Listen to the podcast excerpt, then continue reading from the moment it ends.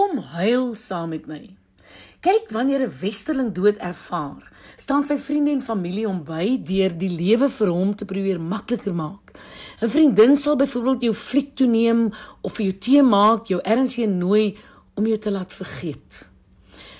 'n Oosterling, so sê hulle, kom sit by jou en huil saam met jou. En dit is eintlik wat 'n mens in swaar kry die nodigste het glo beraders. Ek het 'n baie mooi verhaal gehoor van 'n dogtertjie wat by haar maatjie gaan speel het en effens te lank weggebly het. Haar ma het bekommerd geword en na die maatjie se huis toe gery. Sy was so verbaas om die twee dogtertjies diep in gesprek op die sypaadjie voor die huis te sien sit.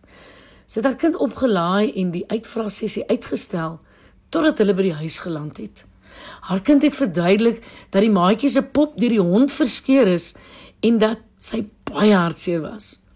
Gevra of sy aangebied het om die maatjie te help om 'n nuwe pop te kry, het die kind geantwoord: "Nee, mamma, ek het net by haar gaan sit en saam met haar gehuil oor haar pop."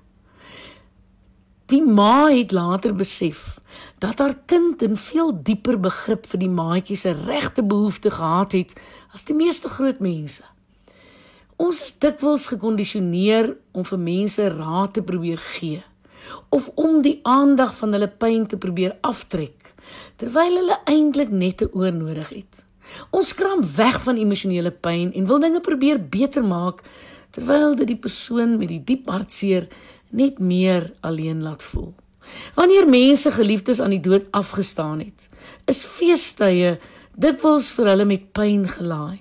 Dis dan wanneer 'n drukkie, 'n oor of net daar wees veel meer beteken as woorde of geskenke. Ek is Lenet Beer vir Groot FM inspirasie.